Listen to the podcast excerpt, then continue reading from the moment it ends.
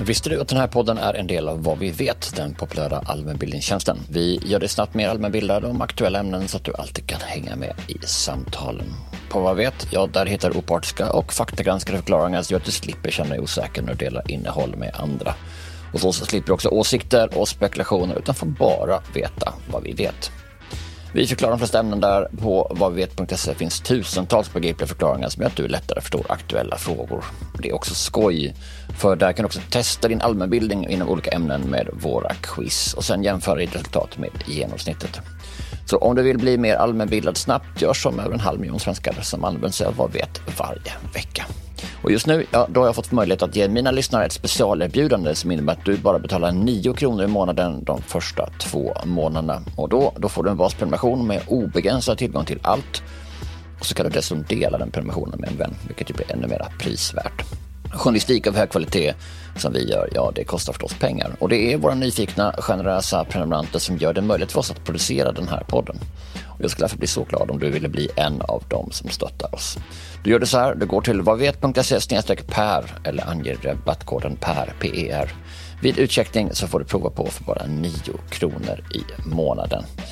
Det är alltså vadvet.se per eller rabattkod PER. Tack på förhand.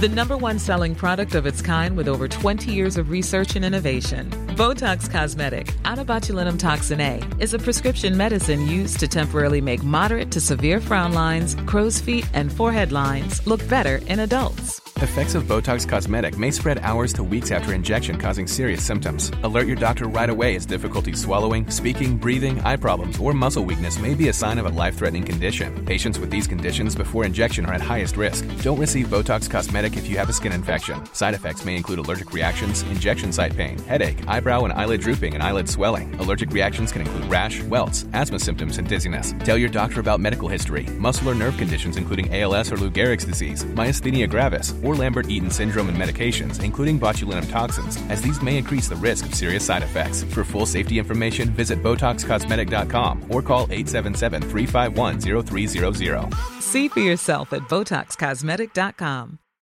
Since 2013, Bombas has donated over 100 million socks, underwear, and t-shirts to those facing homelessness. If we counted those on air, this ad would last over 1,157 days. But if we counted the time it takes to make a donation possible, it would take just a few clicks. Because every time you make a purchase, Bombas donates an item to someone who needs it. Go to bombas.com slash ACAST and use code ACAST for 20% off your first purchase. That's bombas.com slash ACAST, code ACAST. Från vad vi vet, det här är Perspektiv med mig, Per Granqvist. När det gäller värmeböljor och, och varma extremer, att där ser man en väldigt tydlig ökning då, egentligen globalt kan man säga. Så I alla regioner så ser vi nu att olika sådana här värmerelaterade extremer inträffar väsentligt oftare. Vi gläds åt fint sommarväder, åt klara blåa himlar och att värmen inte sjunker på kvällen när vi ska sitta ute. Det är ju nämligen varmare nu för tiden än det varit tidigare om åren. Det gör också att extremväder är allt vanligare, från stora skyfall till långvarig torka med sinande brunnar och allt vad det innebär. Men frågan är hur mycket vanligare det är. Om det vanliga vädret blir mer extremt, hur mycket mer extremt måste då det extrema vädret bli? Och vad kan vi förvänta oss i framtiden? När jag funderade över detta visste jag att jag ville prata med Erik Källström om den här saken. Han är professor i klimatologi på SMHI i Norrköping och arbetar därmed med kunskapen om vad som styr klimatet, hur det varierar och hur det kan simuleras med avancerade klimatmodeller. Det här blev ett samtal om tidsserier och växthusgaser, om varför råden till gamla behöver klimatanpassas och hur vi nu börjar se att försäkringsbolagen vägrar försäkra vissa skador.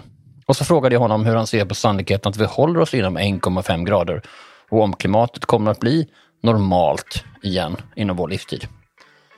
Innan vi börjar, om du inte redan prenumererar eller följer podden här i poddappen, passa då på att göra det nu för att inte missa kommande avsnitt. Och som alltid når du mig på perspektiv vad vi vet.se. Då är det dags för Erik Källström. Hur avgör man vad som egentligen är väder och vad som är klimat? Som klimatolog då och klimatforskare så jobbar vi ofta med långa tidsserier för att förstå, försöka förstå och beskriva vad, vad klimat är för någonting. Och klimatet vi använder ofta 30-årsperioder och över en 30-årsperiod så, så förekommer det ju många dagar och många olika typer av vädersituationer. Men det är liksom den samlade bilden av det där som, som utgör klimatet kan man säga. Då. Och då betyder det att då kan man ju räkna ut både till exempel vilken som är den medeltemperaturen varje månad och man kan också räkna ut med hjälp av data då från en sån här lång tidsserie vad som är det absolut varmaste och det absolut kallaste. Sen kan man baserat på det då definiera det som man kallar för klimat. Och, så, och det är liksom det man på något sätt förväntar sig att, att vädret ska eh, hålla sig inom någon slags gränser då under en lång tidsperiod. Och där har man alla, alla saker som skiljer sig åt på olika ställen på jorden. Det är geografiska skillnader och det är skillnader mellan årstider och och allting sånt. Och, och det vet vi ju ganska väl hur klimatet ser ut så att säga. Men sen har vi då vädret som då är variationerna från så att säga en dag till nästa hela tiden och då här i Sverige så är det ju väldigt styrt av, av till exempel lågtrycken som vandrar in från Atlanten oftast och ena dagen kan ge regn och mulet väder och nästa dag så har man lite mer högtrycksbetonat och, och soligt väder. Och de, det där är alltså då mer typ väder då. Men vädret är ju också så att det, det styr ju liksom klimatet på lång sikt. För klimatet är ju en, en, någon slags sammanvägning av alla de här väderhändelserna under, under mycket långa tidsperioder.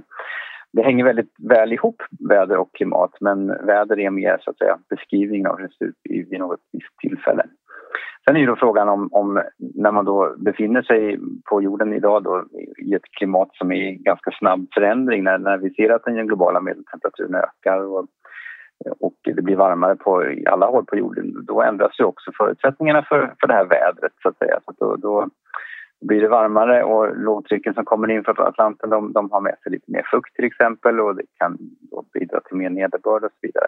Och då är ju frågan då sen vad, vad som är skillnaden så att säga mellan det långsiktiga klimatet och den långsiktiga klimatförändringen och vad som sen då är en, en enstaka händelse. För ofta är det de här händelserna som är intressanta. Det kan vara en, en väldigt intensiv storm eller ett mycket, mycket kraftigt regnväder någon dag. Då får ju jag som sitter här på SMHI då frågan direkt, är det här, var det här jättekraftiga regnet som föll förra veckan, var, är det kopplat då till klimatförändringen eller inte?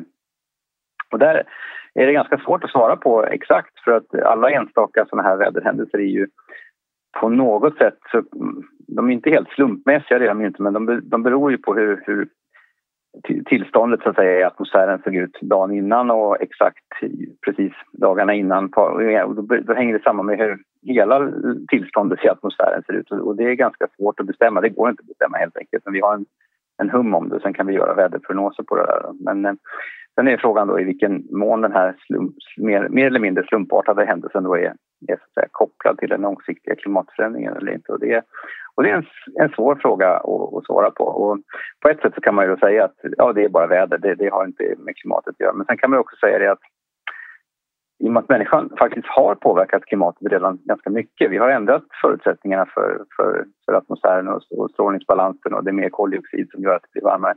Då har vi också påverkat hela väderförloppet så att egentligen kan man säga att det väder som vi upplever idag och ett, ett regnväder som kommer idag det hade ju inte sett exakt likadant ut om inte människan hade funnits på jorden för det hade kanske kommit dagen efter eller dagen före varit mer eller mindre intensivt. Det, det går liksom inte att säga. Men innebär det att då liksom i, i, i denna liksom antropocenens tid, när det är nu människan som är den, den förhärskande kraften som påverkar vår planet, då är allt väder klimatberoende medan innan antropocenen så var det inte lika tydlig koppling? Allt väder är ju alltid klimatberoende så att säga, för klimatet är ju det som, som är liksom, vad ska man säga, det, det sätter någon slags grundläggande ram för hur, in, inom vilket vädret kan variera så att säga. Så att det klimatet vi har på jorden och har haft i olika tidsperioder det, det definierar också de vädersituationerna som är. Och har, har, vi haft ett mycket kallt klimat på jorden långt tillbaka i tiden när det varit istider då har, då har vädervariationerna också varit liksom inom de gränserna som fanns då och det var ju innan människan påverkade systemet. Idag har vi en mycket varmare planet där människan är en del av, av förklaringen till varför det är så varmt idag och nu varierar klimatet inom andra gränser och de gränserna har vi då så att säga påverkat. Så att den intressanta frågan här och den frågan som vi kan svara på det är ju mer frågor om man ställer den istället så här att i vilken grad kan man säga att människans klimatpåverkan har ändrat förutsättningarna för en viss extremhändelse. Och då kanske man kan komma fram till ett resultat som säger att ja, eh, den, den mänskliga påverkan då, eller, eller uppvärmningen av planeten har lett till att den här typen av värmebölja har blivit si eller så många procent större sannolikhet att den ska inträffa idag jämfört med hur det var för 150 år sedan innan vi hade släppt ut all den här koldioxiden i atmosfären. Så den typen av uttalanden kan man göra om man gör ordentliga studier och tittar på, på sådana här enstaka händelser. Och det, och det görs en hel del. Och det kallas för väderattribution. Man attribuerar, man tillskriver alltså ett fenomen då till klimatförändringen. Är det 30 år som är era dataserier? För man tänker om, det måste ju vara rullande för någon form, annars kommer ju varje år att vara mindre och mindre värt den totala dataserien. Så det är 30 år ni kör eller? Vi använder olika dataserier för olika ändamål, men man kan säga att Världsmeteorologiska organisationen har, eh, eh, där utgår man gemensamt från ett 30-årsperspektiv så att säga. Och då tittar man på, i dagsläget så har vi då 1991 till 2020 som är vår 30-åriga så kallade normalperiod och den perioden använder vi för att jämföra nu dagens väder mot hela tiden. Så när, när du och vi alla tittar på tv och, och lyssnar på tv-meteorologerna så kommer de att säga att ja, nu förväntas det bli varmare än normalt. Och då, då jämför man med den perioden just nu då. Men om man sen vill titta på ett, ett längre klimatförändringsperspektiv då, då är ju inte det kanske så relevant. För att vi vet ju att, att de här 30 åren, 1991 till 2020, är ju väsentligt varmare än de 30 åren tidigare. Och också varmare då än hur det var på 1800-talet. Så då kan man ha andra referensperioder där för att beskriva så att säga, den långsiktiga klimatförändringen. Och vill man titta på till exempel så här som alltså en planet utan mänsklig klimatpåverkan då vill man gärna gå tillbaka till förindustriell tid när, när vår klimatpåverkan var eh, om inte helt obefintlig så väldigt, väldigt liten i alla fall. Så då, då, då, skulle man ju helst vilja gå tillbaka till kanske 1700-talet eller något sånt. Men problemet är att där finns inga data för då hade vi inga observationer. Så kompromissen blir att man landar någonstans i slutet på 1800-talet när det faktiskt finns en del data i alla fall. För på klimatkonferenser och i klimatkommunikéer från FN och sånt pratar man ju ofta om den här liksom preindustriell tid. När är det då? Ja, som jag sa, alltså egentligen så är ju förindustriell tid, det beror lite grann på vad man menar, men in, om man tänker på klimatpåverkan så handlar det om den tiden innan vi så att säga börjar tillföra koldioxid i större mängd till atmosfären. Och då får man egentligen gå tillbaka till IPCCs rapporter, då, FNs klimatpanel, där brukar man prata om 1750 och innan det så har man så att säga en, en, en situation där man bedömer att den här förändringen av atmosfärens strålningsbalans och sånt är, är väldigt liten. Så där brukar man säga att det är före industriella förhållanden. Men som jag sa, att när man sen ska titta på hur det faktiskt har sett ut före 1750 då finns det bara ett väldigt, väldigt fåtal observationsstationer med tidsserie av till exempel temperaturmätningar. Så vi kan inte säga hur klimatet såg ut eh, baserat på några mätningar på den tiden. Utan då går man istället ofta in i slutet på 1800-talet, andra halvan av 1800-talet när det finns ganska mycket mätningar. Och då var fortfarande klimatpåverkan relativt liten i alla fall jämfört med eh, vad som har hänt senare. Så i, i, alla, i de flesta sådana här eh, beskrivningar när man säger att det idag är typ 1,2 grader varmare globalt sett jämfört med förindustriell tid. Då, då jämför man med andra halvan av 1800-talet, antingen 1850 till 1900 eller kanske 1860 till 1890 eller någonting sånt. Så där någonstans brukar man lägga ett, ja, vad ska man kalla det för då? Någon slags nollnivå eller just den här förindustriella nivån. För att det blir lite skitsamma egentligen eftersom det ändå är på så pass låga nivåer med tanke på hur högt vi är nu. Men jag tänker, tittar man på kurvorna så är det ju 1950-60 som det börjar sticka iväg och jag läste nyligen någonting om att en majoritet av alla utsläpp som vi har i atmosfären har uppkommit efter iPhone. Um, så 10-15 år någonting. Stämmer det? Ja, det kanske är så. Jag har inte koll på siffrorna exakt så, men, men alltså, utsläppen är ju väldigt höga idag. Mm. Och, och de, ja, det har gått mycket fort på slutet. Så vi har ju väldigt mycket högre utsläpp idag än vad vi haft eh, historiskt. Och den senaste tioårsperioden är utsläppen mycket högre än vad de har varit tidigare. Så det, så det stämmer definitivt. Att det sticker iväg där på 50-60-talet det stämmer ju väl och det är ju särskilt temperaturökningarna. Sen har man, kan man titta på koldioxidutsläppen. Där har ju utsläppen varit ökande även tidigare. Men sen har man också haft effekter på, på jordens klimat som inte bara har med koldioxiden att göra utan med andra saker. Så, och då handlar det om eh, när vi förbränner all den där koldioxiden i våra förbränningsmotorer så, så skapar vi också massa luftföroreningar och partiklar och sånt som faktiskt också påverkar klimatet. Och, och där har man då en delvis en, en avkylande effekt istället. Så att luften har ju varit på vissa ställen, särskilt över Europa men även stora delar av Nordamerika betydligt mer ja, helt enkelt skitig om man använder det uttrycket. Det har varit mer luftföroreningar tidigare och det har då delvis då motverkat uppvärmningen så att man har liksom haft en under den här perioden från ja, kanske 50-talet och fram 60-70 och ända fram på 80-talet så har temperaturökningen hållits nere på en del ställen på grund av de här luftföroreningarna. Sen har man av andra anledningar bestämt sig för att man ska minska det därför att eh, det är skadligt helt enkelt. Folk dör och skogarna dör i Europa och allt sånt där som man har pratat mycket om att, att jobba med att få ner luftföroreningarna. Och när man har gjort det och renat luften då har, då har så att säga, den här underliggande temperaturökningen som har drivits på av, av växthusgasökningar den har liksom kommit igenom ännu tydligare. Man ser det till exempel i Europa så har temperaturökningen varit väldigt stor. Då. Men det här är ju jätteintressant för då som tydlighetens skull, pratar vi om koldioxid eller pratar vi om koldioxidekvivalenter? För vi har ju en, en, liksom ett, ett gäng växthusgaser och vi har ju liksom metan som korna håller på med, släpper ut eh, fram och bak och det är ju mycket skadligare än CO2 men de har också en nedbrytningstid som är mycket kortare än CO2. Så är det, som är det eh, CO2e-ekvivalenter vi egentligen pratar om när vi pratar om koldioxid?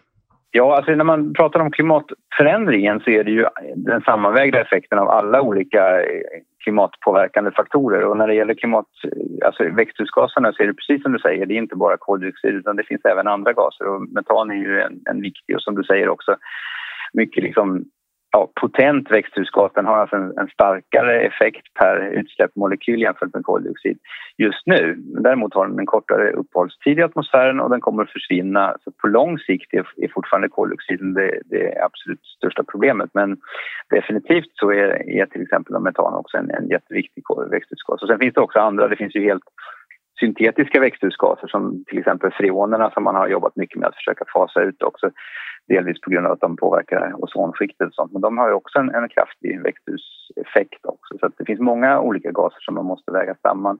Men sen är det också andra faktorer. Då, då nämnde jag aerosolpartiklarna, då, alltså partiklar, luftföroreningar som då ofta har en avkylande effekt men de kan i vissa sammanhang, vissa typer av partiklar kan också faktiskt leda till uppvärmning också. Så det beror lite grann på vad de har för egenskaper. Du nämnde här då, vi är på 1,2 idag. Men det finns ju skillnader i hur vädret och klimatet påverkar olika delar av jorden. Varför gör den det? Är inte jorden rund? Jo, jorden är absolut rund men det är ju så att eh, jorden ser ut på lite olika sätt på olika ställen och eh, den extra uppvärmningen som vi får till följd av att atmosfären blir man brukar prata om att den blir tätare helt enkelt då, just i det här strålningssammanhanget och vi får alltså mer växthusgaser. Den, den leder då till en uppvärmning. Men sen får det olika påverkan på olika ställen och den första saken man kan observera är att över haven så går uppvärmningen inte lika fort som över land.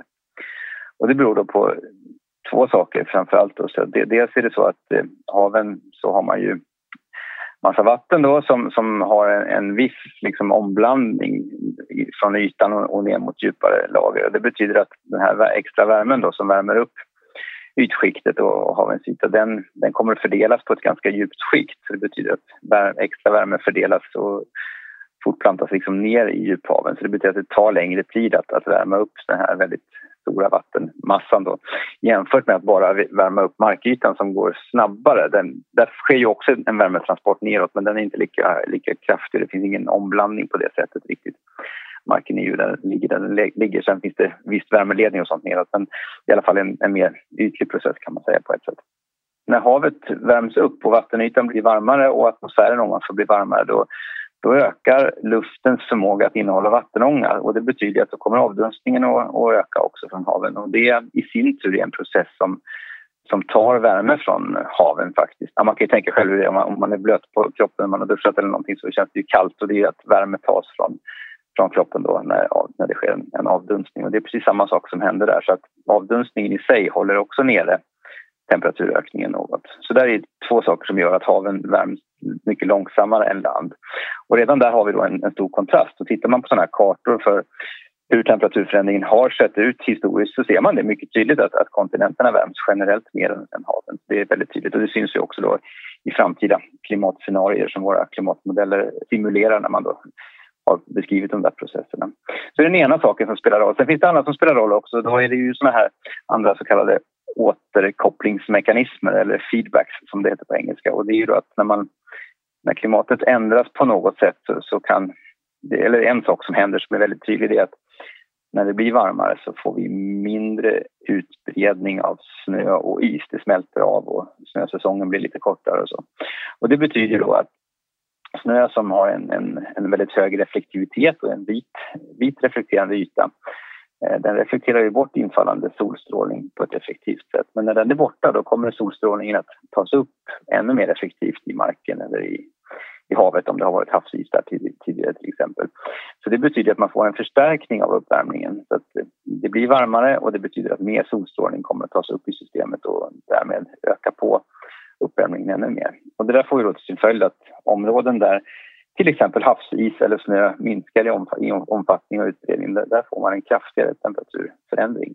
Och det är precis det man ser då i, i Arktis och framförallt i, liksom i utkanten av Arktis, att det är just där den här isen och snön minskar i omfattning. Och det, det är ju till exempel då typ Sverige, alltså vi ligger ju i utkanten av Arktis kan man säga och vi ser ju att snösäsongen till exempel i Sverige har blivit ett par veckor kortare på senare, senare decennierna här och det är ju sånt som påverkar det här. Då. Vi får alltså en, ett kraftigare värmeupptag och en kraftigare temperaturökning här än på många andra ställen på, jorden. Ja, för vi är på 1,4 eh, i Sverige i snitt eh, och vi är på liksom över 2 grader i, i norr eh, och 1,4 för mig i Skåne.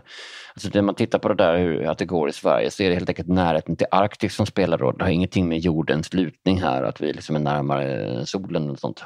Nej, det har det ju inte. För jordens lutning har ju, alltså det, det påverkar med de här riktigt långsiktiga alltså skillnaderna mellan årstider och, och, och, och sen har jordens lutning, den ändras med på väldigt långa tidsskalor lite grann också och det har mer att göra med sånt som istidscykler och sånt till exempel. Det finns en, ja, det finns en, en, en förklaringsmodell där man kan räkna på hur jordens både bana runt solen och, lutning varierar med tiden och, och det finns en ganska stark koppling då till när istiderna initieras eller avslutas som till exempel också. Men eh, i det här fallet så handlar det mer om de här starka återkopplingsmekanismerna. Alltså, så att, och framförallt kopplat mycket då till snö och is som, som försvinner och minskar utbredning.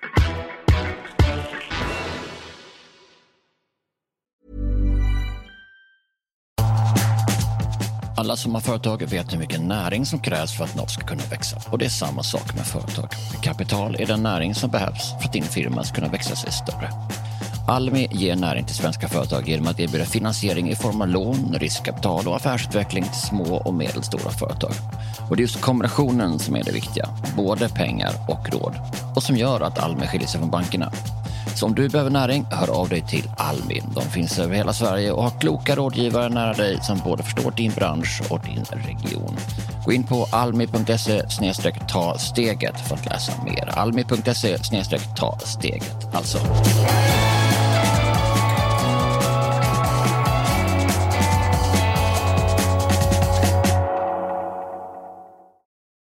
Say hello to a new era of mental health care. Cerebral is here to help you achieve your mental wellness goals with professional therapy and medication management support. 100% online. You'll experience the all new Cerebral Way, an innovative approach to mental wellness designed around you. You'll get a personalized treatment plan from a therapist, prescriber, or both in a safe and judgment free space. Your cerebral therapist or prescriber will outline a customized plan with clear milestones along the way so you can get to feeling your best. With Cerebral, you're not alone in your mental health journey.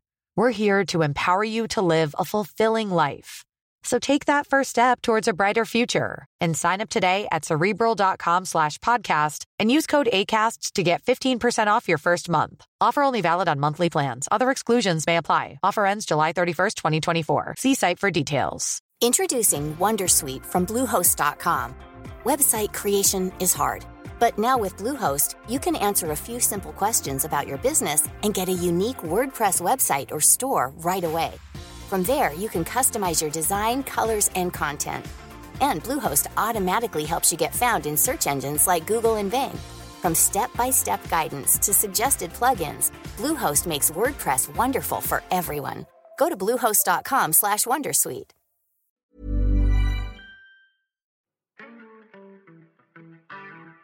Så vad är skillnaden mellan ovanligt väder och extremt väder idag?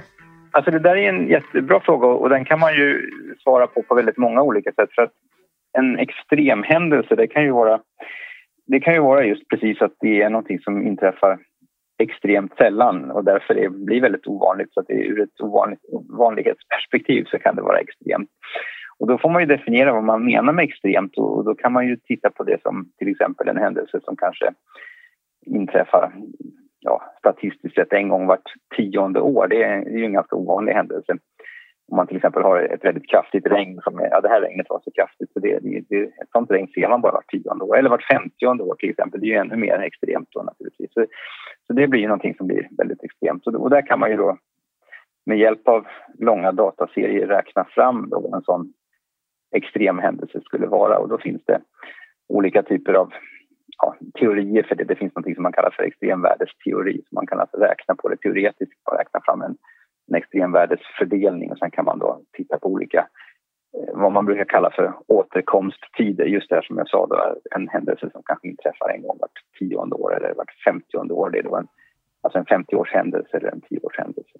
Mm. Och det kan man räkna ut då hur, vad en sån händelse innebär, hur många millimeter nederbörd till exempel innebär. Då.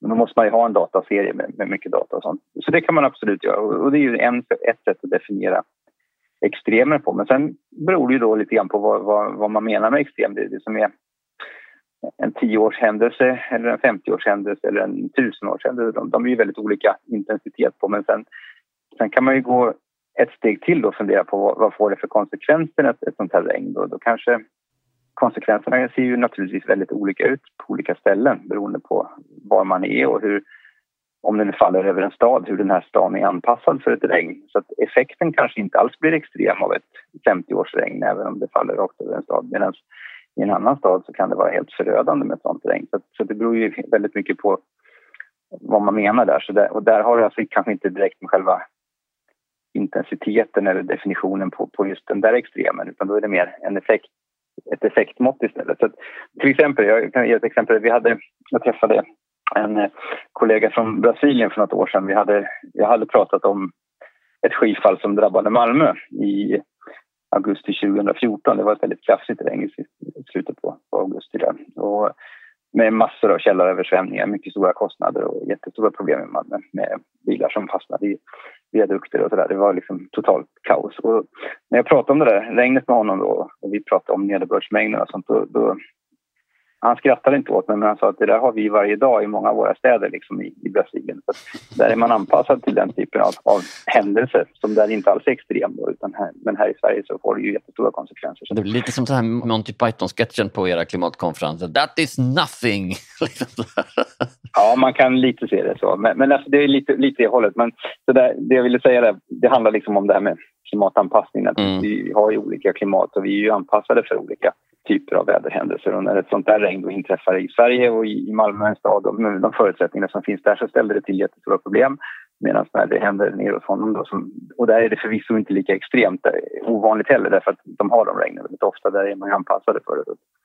Det handlar ju om anpassning till klimatförändringarna också. Det är lite som när ni ändrade era prognoser för eh, extremväder eller eh, våra trianglar eller färger, jag har glömt vad ni kallar det för vädervarningen i alla fall. Det här är ju liksom eh, en, eh, om det kommer snö som är 5 eller 10 millimeter snö i Skåne så blir det absolut kaos medan i eh, Umeå tar ingen ens liksom hänsyn till det. Men när ni, när ni modellerar för extrema väder och så nu och tittar på det, kan ni se att de här hundraårshändelser, inträffar de numera liksom med 50 års mellanrum eller 10 års mellanrum? Eller de här lite strikt Ja, det där kan man ju säga och, och det, det gås igenom till exempel i den senaste stora IPCC-rapporten som kom för ett år sedan ungefär som handlar om den naturvetenskapliga grunden så att säga. Där tittar man ju mer eller mindre globalt och, och uppdelat i många regioner på hur vad liksom olika forskningsartiklar säger om hur, hur sådana här händelser har påverkats och ändrats. Och då ser man ju det som är tydligast är ju framförallt då att temperaturextremerna har ändrats. Så dels har det blivit mycket, mycket mer ovanligt med kalla extremer. Så att, alltså de här riktiga köldknäpparna och väldigt, eh, väldigt kalla situationer.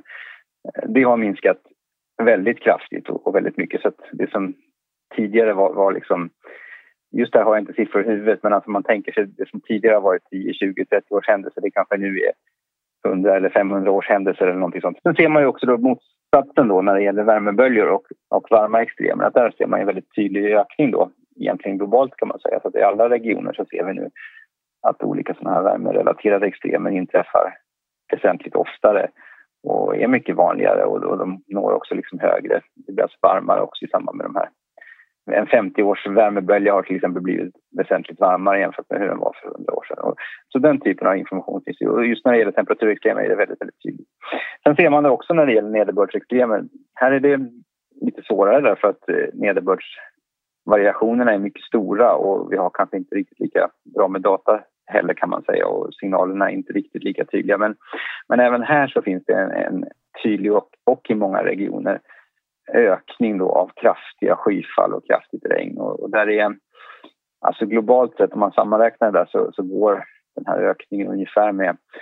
Det finns en, ett fysikaliskt samband här som handlar om hur mycket, hur mycket vattenånga som luften kan innehålla.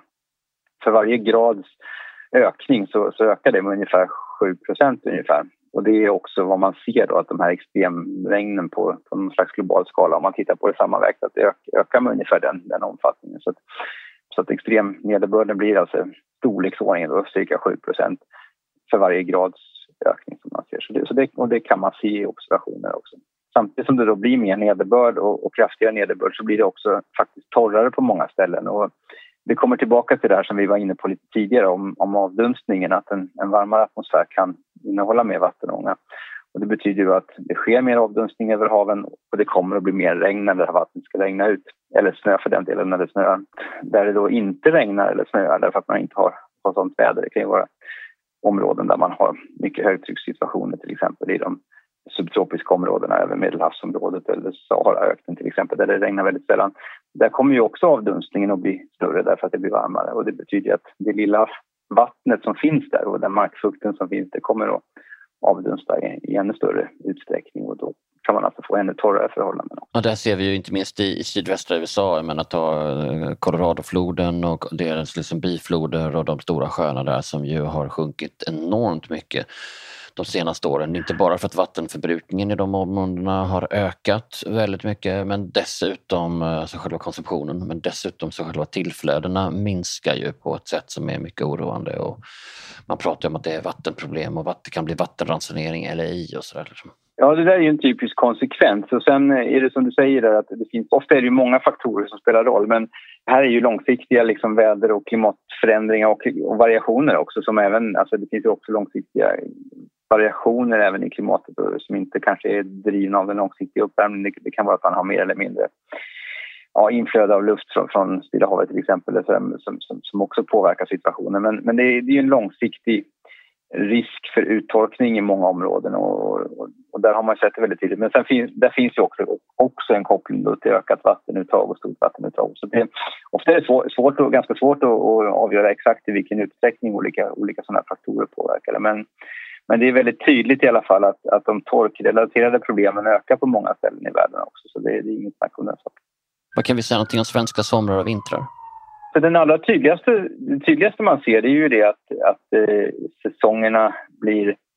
Man får ett skifte i säsongerna. Vi, vi har ju temperaturdefinitioner på, på somrar och vintrar. Man tittar på antal dagar, eller det ska vara ett visst antal dagar då när temperatur, medeltemperaturen går över 10 grader för att vi ska vara upp plus 10 grader för att man ska komma upp i sommar då och ner under, under noll för att det ska vara vinter. På sikt har alltså de här säsongerna förskjutits så att somrarna har alltså blivit längre och vintrarna har blivit kortare. Så det är det första man kan se. Så det betyder att det blir en längre period på sommaren som är varm och, mm. och det betyder också att det är en längre period när man då kan ha med högre temperaturer och mer sommarlika förhållanden och, och det betyder också då att under sommaren när, när det då efter vårsäsongen när snön har smält undan och det liksom har börjat torka upp så det blir en längre säsong när det finns risk för så att säga, torka också och, och marktorka. Och det har vi ju några år har vi sett att det är på det sättet att, att det har varit besvärligt med torka och sånt också. Det tydligaste och det som data verkligen visar på från våra observationer så är det just det här att säsongerna har ändrats i, i sin längd. Men sen ser vi också att temperaturförhållandena har ändrats. Så att somrarna har ju, eller hela året, alla säsongerna har blivit varmare. Och det har märkts mest på vintern men även våren har blivit väsentligt varmare också kan man säga i Sverige som helhet. Uppvärmningen har inte varit lika tydlig på på sommaren och, och, hösten utan det är framförallt vintrarna och, och våren också som har, där det har extra mycket. För det innebär att vi i framtiden kanske ska vi brukar inte tycka om att spekulera här, men om man, om man drar ut så här tangenten så innebär det att södra Sverige kan kanske gå över till mer det som liknar kontinentaleuropa där man har eh, någon slags tre säsonger snarare än fyra säsonger. Det stämmer ju det du säger och det kan man ju säga att vissa, det har ju till och med varit en del observationsstationer längst ner i söder där det har, har gått år utan att vi har haft någon vinter så att säga meteorologiskt. Så, så det, det, är ju definitivt på det sättet. Så med den vinterdefinitionen vi har så kommer det så att säga eh, på sikt och i takt med att klimatförändringen pågår och blir större så kommer vi att få ett större inslag av, eh, vad ska vi säga, vinterfria år då, när, när man har, alltså ur en meteorologisk synvinkel. Sen kommer det inte att, att, att vara något som vi ser uppe i norra Sverige, definitivt inte. Men just längs eh, kusterna längs i söder till exempel. Och, ja, och att, och att de där vintrarna i Stockholm har man ja, möter man ju folk som pratar om att de åkte skridskor på Nybroviken och så där Och det är ju definitivt 30 år sedan det hände. Men, men att liksom de där långa kalla vintrarna, de kommer väl egentligen aldrig att, att eh, det är väl osannolikt i alla fall att de ska inträffa, utan då kan det vara köldknäppar under några veckor eller så men att det skulle ligga eh, ett snötäcke från november till februari låter ju väldigt osannolikt söder om Dalälven.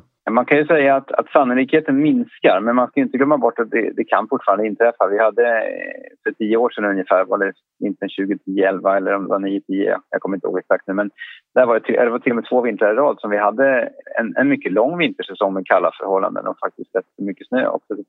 Det hänger ju samman, allt det här hänger väldigt mycket samman med så att säga, den det vi brukar kalla den storskaliga cirkulationen i atmosfären. Alltså hur, hur lågtrycksbanorna ser ut. Och det där är ju egentligen vädervariationer och, och man kan ha år och långa säsonger med ett, vissa vädertyper som är förhärskande under långa perioder och då var det ju på vintern är det typiskt då att det är förknippat med högtryckssituationer och, och det, det, kommer vi kunna se i framtiden också så att vi kommer att kunna ha lång, långvariga högtryckssituationer.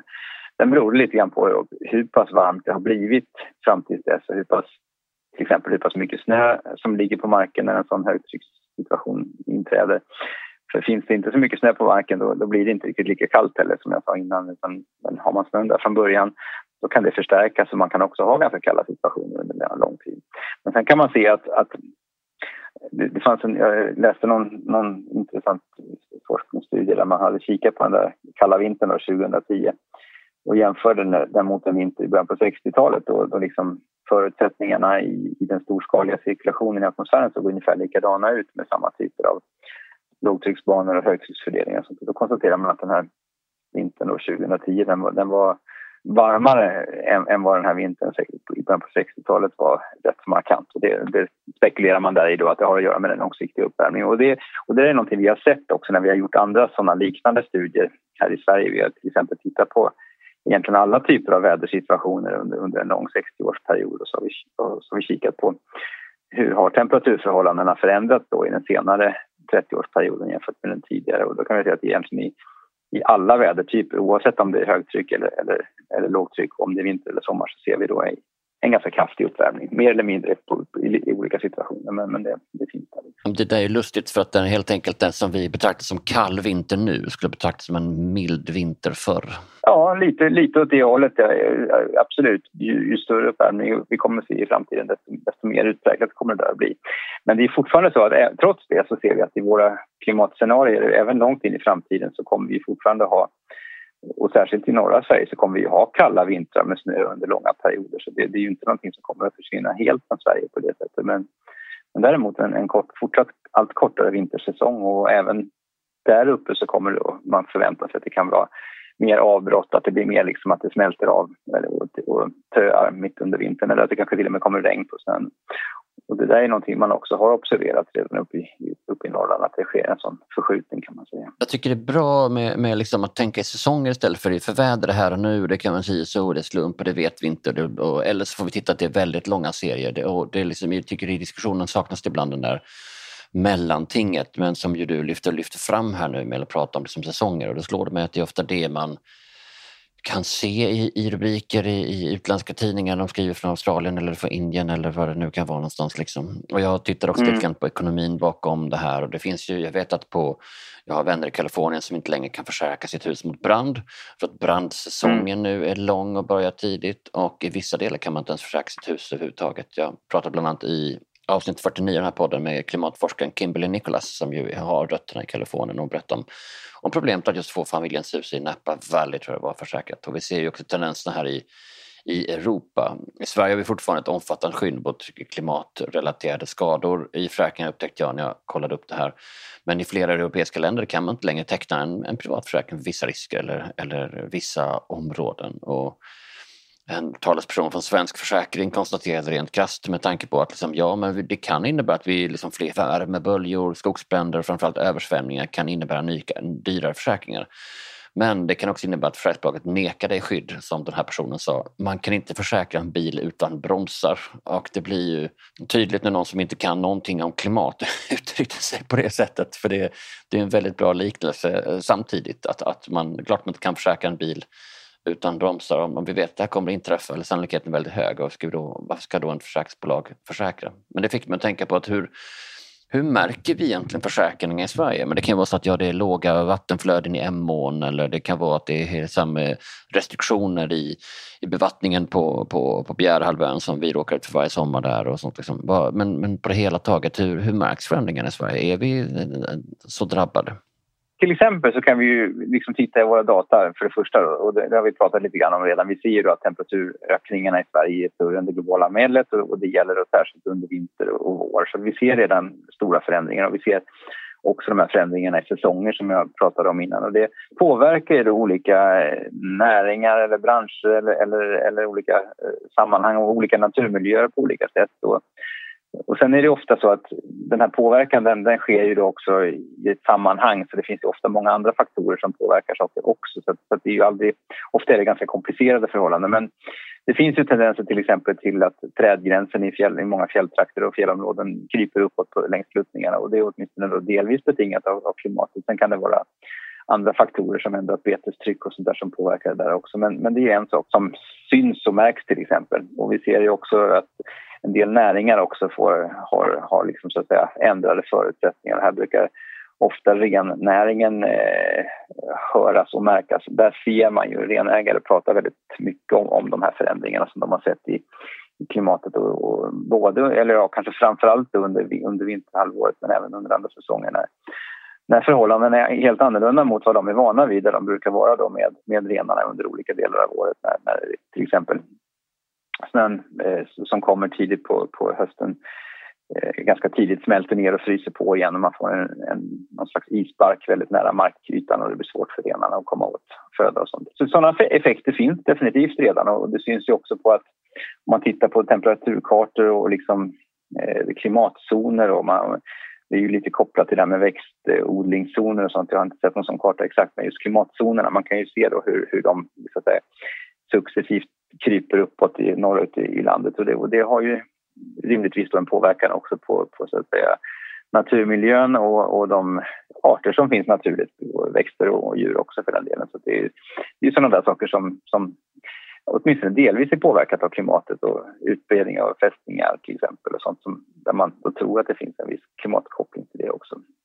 Samtidigt så tycker jag, jag, menar, jag har hört de där rapporterna och jag ser ju datan och samtidigt känns det som att vi inte är så liksom drabbade på något sätt ändå. Jag undrar, är det, är det alltså att ja, naturen är, är drabbad och de som lever nära naturen och på naturen är drabbade men, men städerna och samhället är rustat så att det inte är så farligt? Eller hur ska vi förstå det här? För det... Jag skulle nog säga att, att det stämmer, att, att det är väl en ganska liksom, bra iakttagelse. Sen, sen är det klart att samhället, det finns ju påverkan på samhället också och det som kanske har varit tydligast i Sverige och som vi ofta är drabbad, drabbade av så är det ju kraftiga skyfall och översvämningar både i, i form av liksom kortare regnskurar, jag, jag var inne på det här regnet i Malmö tidigare här lite grann när det var bara under ett par timmar men man kan ju också se under blöta säsonger, höstar och vintrar när det liksom fyller på i, både i marken och sen i vattendragen. Och sen så får man översvämningar i, längs med älvar och, och större vattendrag och så där också. Så, så, det är ju någonting som vi har varit påverkade av och också påverkas av. Och där sker ju också liksom, vi ser ju också en klimatförändring där som påverkar de förloppen också och då är det, det är genast lite mer komplicerat igen för att Uppe i norr har jag varit inne på flera gånger när vintersäsongen ändras så blir kanske lite kort, eller den blir inte kanske utan den blir kortare och, och det påverkar också hur mycket snö som ackumuleras och liksom hamnar i magasinen och hur mycket vatten som finns där som, som ska ut. Men vårfloden kanske i någon, i någon mån minskar då. Det ser vi också i våra scenarier att det kan göra i, i de områdena. Samtidigt så när man har då mer regn och nederbördsdrivna översvämningar så ökar risken för det och vi har också sett många sådana under, senare år. Så det finns ju påverkan och den är ju, det är ju också kostsamt och man måste ju anpassa samhället för det. Men jag skulle vilja säga här i det här sammanhanget att om man jämför med hur det ser ut i Sverige med många andra länder så är, är ju liksom hela klimatproblematiken är ju väldigt mycket en rättvisefråga för att den drabbar ju naturligtvis de mest sårbara eh, länderna och, och människorna mest. Och, och, det är klart att säga vad man vill, men Sverige är ju ett, är ett, liksom ett, ett rikt land som har en, en, en, en, ganska hög nivå på infrastruktur och annat. Så vi, vi, vi klarar ju mycket i alla fall här, även om vi sårbara i vissa avseenden. Så Just det, för där det, där det är torka och, och varmt långa perioder så kan man läsa om häromsommaren så dog kor för att de, det var för varmt och eh, det fanns svårt att få fram hö till hästar och ridskolor och så. Och det är ju liksom symptomat som vad vi inte rapporterar. Vi rapporterar inte om att liksom tusentals pensionärer dör.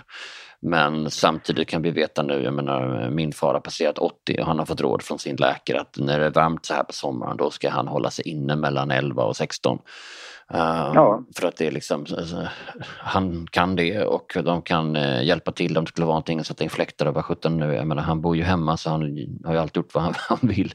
Men det finns mm. någonting symptomatiskt i att liksom det inte, vi läser inte om pensionärer som dör. Vi läser inte om det i Sverige därför att här kan vi hantera det på det hela taget. Därför får vi liksom de här rubrikerna om, om, om kor eller höproblematik. Det stämmer ju delvis det du säger samtidigt som man tittar på sommaren 2018. Det har ju Folkhälsomyndigheten samverkan med forskare uppe i Umeå. De har tittat på den här så kallade överdödligheten och sommaren 2018 så, så var ju den på en någonstans, om jag minns rätt nu, 700-800 personer eller någonting sånt där. Och det är ju troligen, säger jag nu, det är många äldre kanske som, som mm. har drabbats av, av just de här värmeböljorna.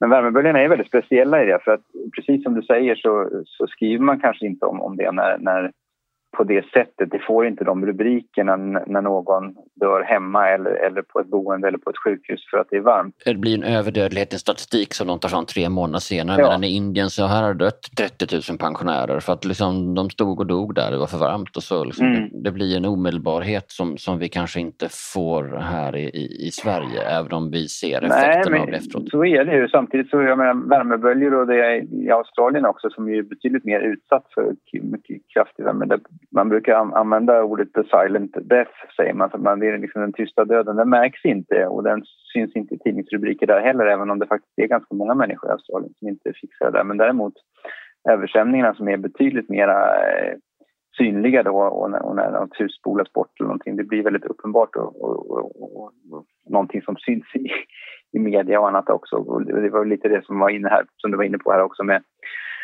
de här korna som dog och, och det som hände den där, där sommaren. Det blir, på något sätt är det någonting som är jag vet inte, det drar mer medialt intresse och märks, märks mer på det sättet naturligtvis. Annars är ju just värmeböljorna och det är ju, det är liksom ett, ett av de stora problemen skulle jag se det som då när det gäller just folkhälsa och sånt. Eh, utan att vara expert på det alls, men vad jag, vad jag kan förstå i alla fall så, så är det sånt.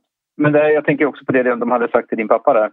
Det är ju liksom klimatanpassning som det handlar om också. Vi måste ju, det, det handlar ju om exakt det som vi måste göra i det här läget. Att, förutom då naturligtvis att jobba med att få ner utsläppen och minska klimatpåverkan så måste vi också vara anpassade för, för det klimatet vi, vi lever i och då kan ju ett sånt råd vara att precis att, att hålla sig inne ett par timmar mitt på dagen och det är ju någonting som man är väldigt van vid i varmare länder och, och det kanske vi bör lära oss mer av här också. Vi kan ju också lära oss av hur man hanterar värme och värmebölja i till exempel Indien och sånt, ställen där man är mycket bättre på det än, än vad vi är.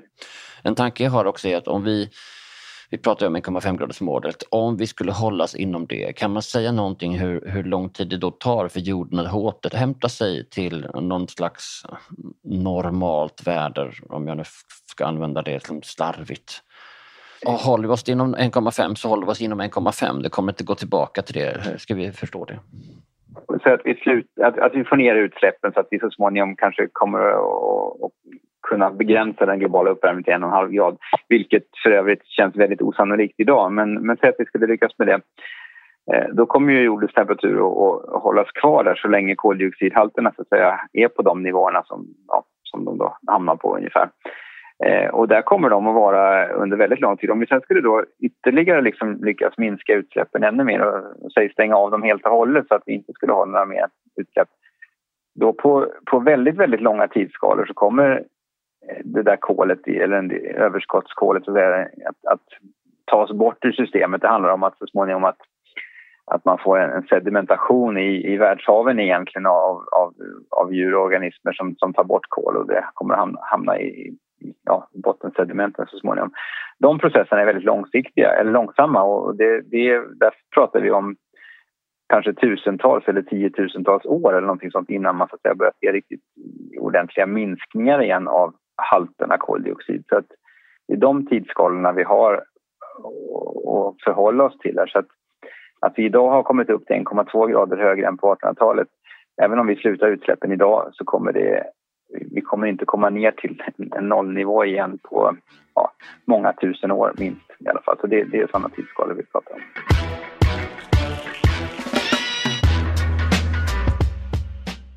Avslutningsvis, tre böcker som inspirerat dig eller påverkat dig? Det finns massa olika saker man kan läsa naturligtvis. Jag tänker att eh, det finns en väldigt bra bok som handlar om eh, om klimatet, klimatsystemet och vad som händer med klimatförändringar. Och det är en, en bok som har getts ut på Naturvårdsverket som heter Monitor. Eh, serien heter Monitor, den heter En varmare värld. Och den kan man ladda ner från deras hemsida. Det finns ett par olika upplagor. Så den, den skulle jag verkligen rekommendera för alla som vill läsa på lite om hur klimatsystemet fungerar och eh, vad som händer med, med de ökade halterna koldioxid i atmosfären. Så det är en, en, ja, en, en bra, så att säga, ordentligt bra lärobok i, i sammanhanget. Sen tycker jag att eh, jag tycker faktiskt att även om de är rätt krångliga att läsa så är det ju inte dumt att kika lite grann faktiskt på IPCCs rapporter och särskilt då för alla som är mer intresserade av forskningen och vad forskningen säger. Och de är jättekrångliga att läsa men det finns en sammanfattning för beslutsfattare för alla de här och det finns då för dem till exempel de tre huvudrapporterna i senaste utvärderingscykeln här nu då, eh, som har kommit under året.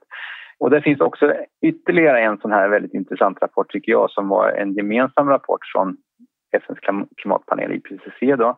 Men sen finns det en annan panel som också heter, den heter IPBES som handlar om biologisk mångfald. Och där har man gjort en, ett gemensamt dokument och, och, den tycker jag är högst relevant att läsa på i och försöka ta till sig lite av och fundera på.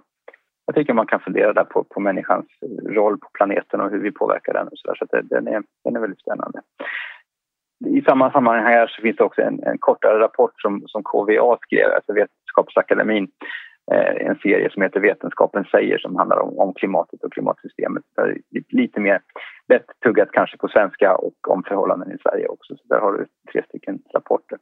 Sen så har du tre, det var min andra, mm. då blev det ett litet hopkok. Mm. Eh, sen tycker jag är det ju alltid bra att, att vara lite hoppfull också och fundera framåt. Och, och jag läste en bok för några år sedan av eh, Svante Axelsson som heter, den, den heter Vår tid är nu, tio hoppfulla perspektiv på klimatkrisen och den kom ut på Ordfronts förlag tror jag det var 2015 eller någonting sånt. Så den är inte helt ny men den är ju bra tycker jag att läsa och se att det finns ju faktiskt hopp och, och det som han skriver väldigt tydligt i den där boken det handlar ju väldigt mycket om att implementera och göra saker och det finns liksom både tekniker, idéer och tankar om det. Det handlar ju bara om att få folk och framförallt politiker med sig på tåget och det tycker jag är ett, ett viktigt budskap.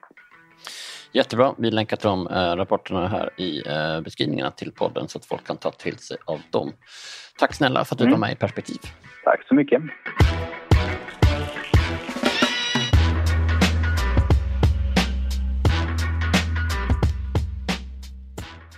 Du har hört Erik Källström, professor i klimatologi vid SMHI i Norrköping. Gillar du vad du hört? Passa på då att ge Perspektiv 5 stjärnor i betyg med Apple Podcast eller Spotify. Det hjälper nämligen ännu fler att hitta podden. Och då undrar jag också vilka av dina vänner som du tror skulle gilla det här. Vilka har funderat på klimat och extremväder och sånt? Använd dela-knappen i poddappen och skicka det här avsnittet till dem. Dela det i sociala medier, men använd då hashtaggen perspektivpodden. Producent för dagens avsnitt Jens Back, mixning var Stray Dog Studios och jag heter Per Granqvist. Nästa gång ger vi dig perspektiv på ett helt annat aktuellt ämne. Vi hörs då.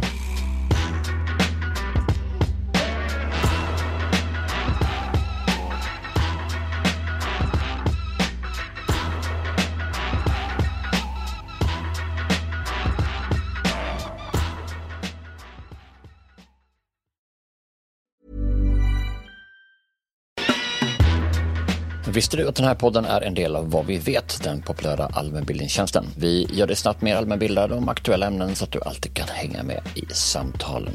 På Vad vi vet, ja där hittar du opartiska och faktagranskade förklaringar så att du slipper känna dig osäker när du delar innehåll med andra.